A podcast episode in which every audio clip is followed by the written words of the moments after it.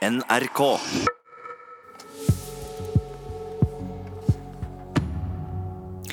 Da er Fredagspanelet samlet her i Nyhetsmorgen. Velkommen til Anna B. Jensen, sjefredaktør i Morgenbladet, Ingrid Røynesdal, direktør i Oslo Filharmonien, og Mathias Fischer, kommentator i Bergens Tidende. Hallo. God morgen. God morgen. Vi starter i dag med et veggmaleri som dukket opp på et hushjørne i Bergen eh, natt til mandag, og som fikk blodet til å bruse hos eh, flere. Og motivet det var en korsfestet Sylvi Listhaug. Når vi først har fått noe som faktisk betyr noe, eller liksom det er noe som faktisk gir mening og ikke bare tagging og sånn, så syns jeg at det skulle veldig forstått uh, framme mye lenger. Ja, fint var det. det var fint malt. Nå er jeg ikke så veldig ekspert rundt eh, kritikk av malerier, men fint bilde. Det var altså folk på gaten i Bergen vi hørte der. Knut Arild Hareide i KrF kaller verket usmakelig. Den anonyme kunstneren sier selv at det er mediekritikk. Og spørsmålet er da til panelet, er dette god mediekritikk? Nei. Nei. Nei. Alle er Starter i Bergen, da. Eh, hvorfor ikke? Det kan man vel egentlig se på den debatten som har vært i dagene etterpå. Det har jo ikke blitt en debatt om en måte, budskapet her og en debatt om mediekritikk. eller noe sånt. Det har bare blitt en sånn Er dette provoserende eller ikke? Skal det tas ned eller ikke? Um, så vi har jo ikke fått en god debatt basert på budskapet eller det han eh, kunstneren ønsker å få en debatt om. Da har han ikke lyktes. Det kan man jo bare se på hva man har snakket om, rett og slett. Det har ikke vært en suksess. Ja, hvorfor er det blitt sånn? Jeg, jeg, tror jo at man, man, kanskje ikke er vant nok til å diskutere denne type saker. Man er ikke vant til å diskutere liksom, vellykket satire eller folk som prøver å formidle et politisk budskap på en annen måte. Så Derfor, er som, derfor blir instinktet at mange, mange tenker liksom sånn Nå kommer Sylvi Listhaug-fansen til å kalle dette her for noe som, eh, som, eh, som må tas ned. Eh, og så begynner man nærmest med en gang å argumentere for dette må få lov til å stå, nærmest før noen hadde sagt at det måtte tas ned. Så Man er liksom ikke vant til å ha en ordentlig samtale om disse tingene. Nei, jeg tenker Det jeg så på Facebook blant annet, da dette bildet kom opp, var jo mest folk som sa at dette kommer mange til å bli provosert av. Og jeg tenker at Problemet med denne, dette bildet er litt det som ofte er problemet med gatekunst. Da. At den er litt overtydelig og litt banal. og da og beveger seg over i kitchen, liksom. Og så blir det ikke en Ja, da diskuterer man gjerne bare det mest åpenbare, da. Er det provoserende eller ikke? Istedenfor å diskutere det som jo er helt legitime uh, innspill som man har til Listhaug, denne kunstneren. Men det er ikke det man diskuterer når det fremstilles på den måten. Ja, Ingrid Renestål, ble du provosert? Nei, altså, jeg leste primært som et harselas over Listhaug. Eh, jeg syns det er rart å, å tenke at dette skulle bidra til noe sunn og god medie kritikk på noen slags måte. Men det er liksom litt trist at man må på en måte med sånne type ytringer for å virkelig skape kan si, sånn eh, stor debatt rundt det man eh, i hvert fall noen kaller kunst. Men er det kanskje sånn at mediene heller ikke er så flinke til å plukke opp den kritikken som eventuelt var rettet mot eh, dem, eller oss? Men er, er det ikke Taslas og Listhaug primært, da? Men det er jo ganske åpenbart at det er det som alle på en måte ser. Det er det som skaper følelsene. Ja, Men, men det, det der kunstneren også mislykkes. For noe av det som ikke fungerer her, er alle de der detaljene hvor, han, hvor det står sånn 'min kamp' på brystet eller på magen til Listhaug. Men så i bakgrunnen så har han skrevet inn sånn uh, mass surveillance og andre sånn politiske budskap som hvor jeg oppfatter det som at han prøver å si at disse viktigste sakene kommer i bakgrunnen av dette her Listhaug-greiene. Men det første alle ser, er jo et provoserende bilde av Listhaug. Og så har han rotet det til med å ha flere budskap på én gang hvor han sjøl har sagt at dette er mediekritikk, og det ligger i disse ordene som står i baken. Det er som det ble sagt der, det er overtydelighet, og det er rett og slett for mye som blir formidlet på én gang. Så da klarer du ikke liksom presse frem se på akkurat dette. Dette er budskapet, dette er det vi må snakke om. Mm. Men uh, Anna B. Jensen, uh, sparker kunstneren kanskje også litt liv i den politiske kunsten her i landet?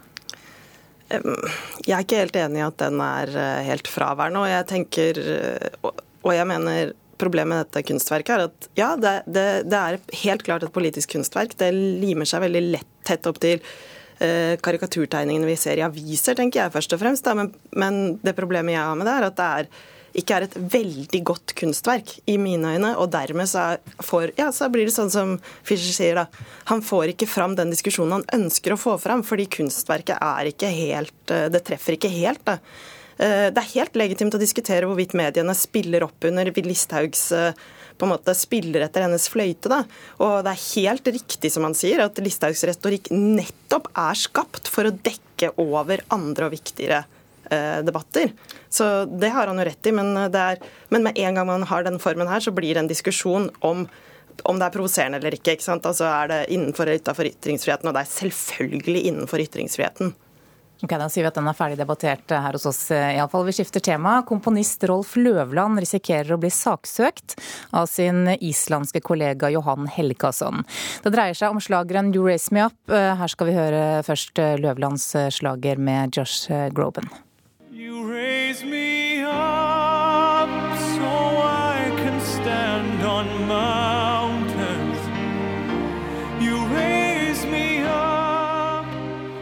Så må vi høre den islandske sangen 'Søknudur', sunget av Fridrik Omar.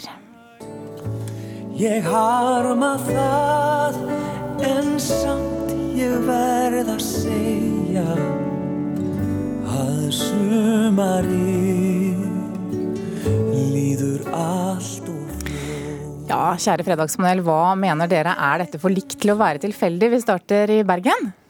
Nei, jeg vet ikke helt. Men det er veldig, veldig likt. Nei. Uh, nei. Nei.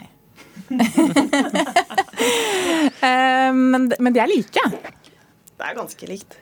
Likte akkurat det dere klipper ut er likt, men jeg måtte jo le litt da jeg hørte på litt lengre utklipp på, på, YouTube. For hvis du hører åpningen som ligger der, så er den islandske sangen en skikkelig plagiat av 'Happy Birthday'. Så det anbefaler jeg alle å høre på. Så jeg tenker at altså, popmusikk er basert i veldig stor grad på noen akkordprogresjoner. Det er nesten umulig, tror jeg, at eh, det også tangerer hverandre.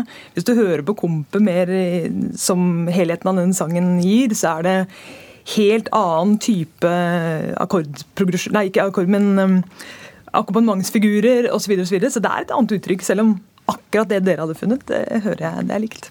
Ja, jeg synes det er et viktig poeng. Da. Hvis spørsmålet hadde vært er det for likt til at det skal være greit dersom det også hvis det er ikke tilfeldig, så mener jo fremdeles spørsmålet nei, svaret er at dette er greit også hvis det hadde vært bevisst. Det mener jeg at det bør være. Nettopp, fordi at, du, nettopp fordi at du har ikke kopiert et helt kunstverk. Du må kunne trekke elementer fra noe og bruke det igjen. Akkurat som det finnes mange kunstverk som trekker på ja, skrik av Edvard Munch, og så gjør det noe morsomt med det.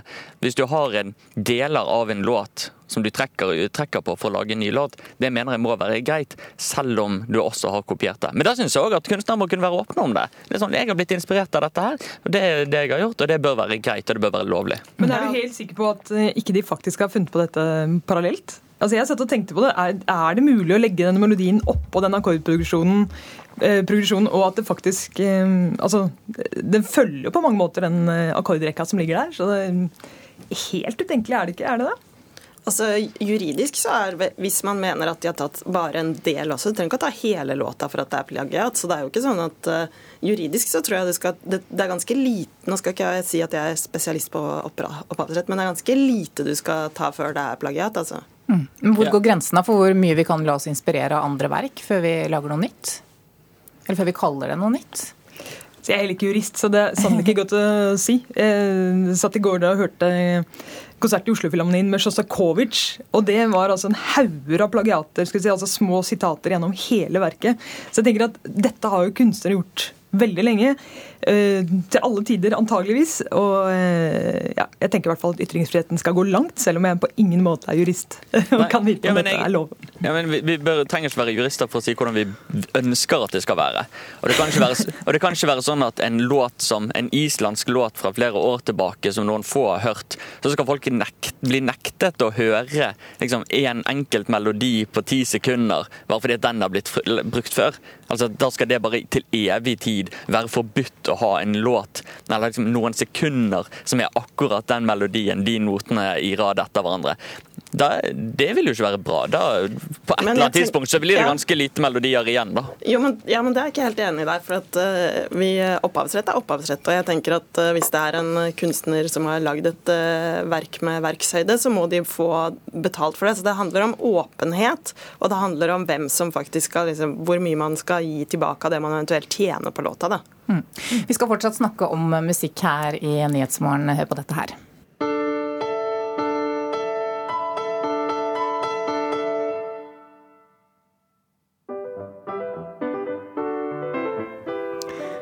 Hører fantasistykket av Agathe Bakke Grøndal, en av våre kjente kvinnelige komponister. Nettstedet Minerva har denne uken avslørt at over 90% av repertoaret til norske orkestre er skrevet av menn. Spørsmålet er bør komponistens kjønn telle når orkestrene velger sin eh, musikk? Ja. Nei. Nei, lite grann. Vi starter med det. nei, jeg sa nei litt for å, for å også irritere litt. For dette er et av de mest sånn forutsigbare kritikken som eh, det klassiske musikkfeltet får. Altså, det er forferdelig vanskelig å lete opp en eller annen kvinnelig ekvivalent til Mahler og Beethoven og uh, Brahms.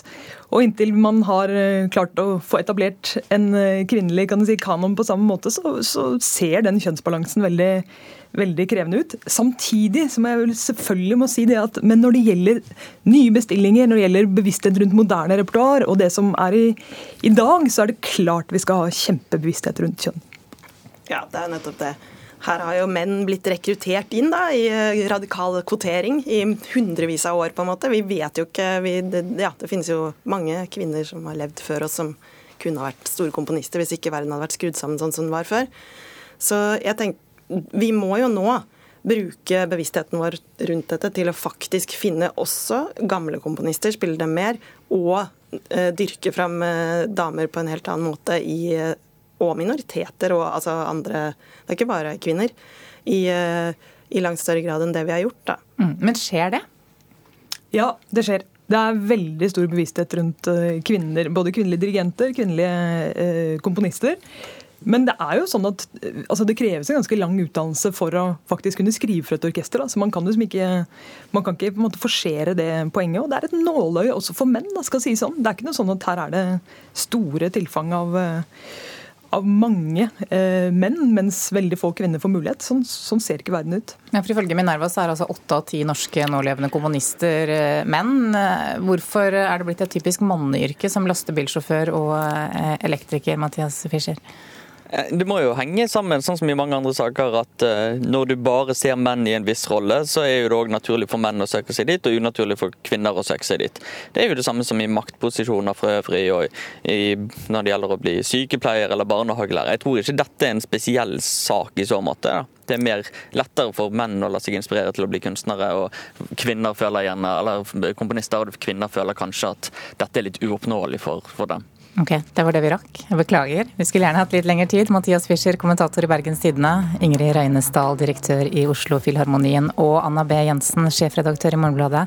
Takk for at dere var med i ukens fredagspanel. Nyhetsmorgen fortsetter en halv time til, frem til klokka ni.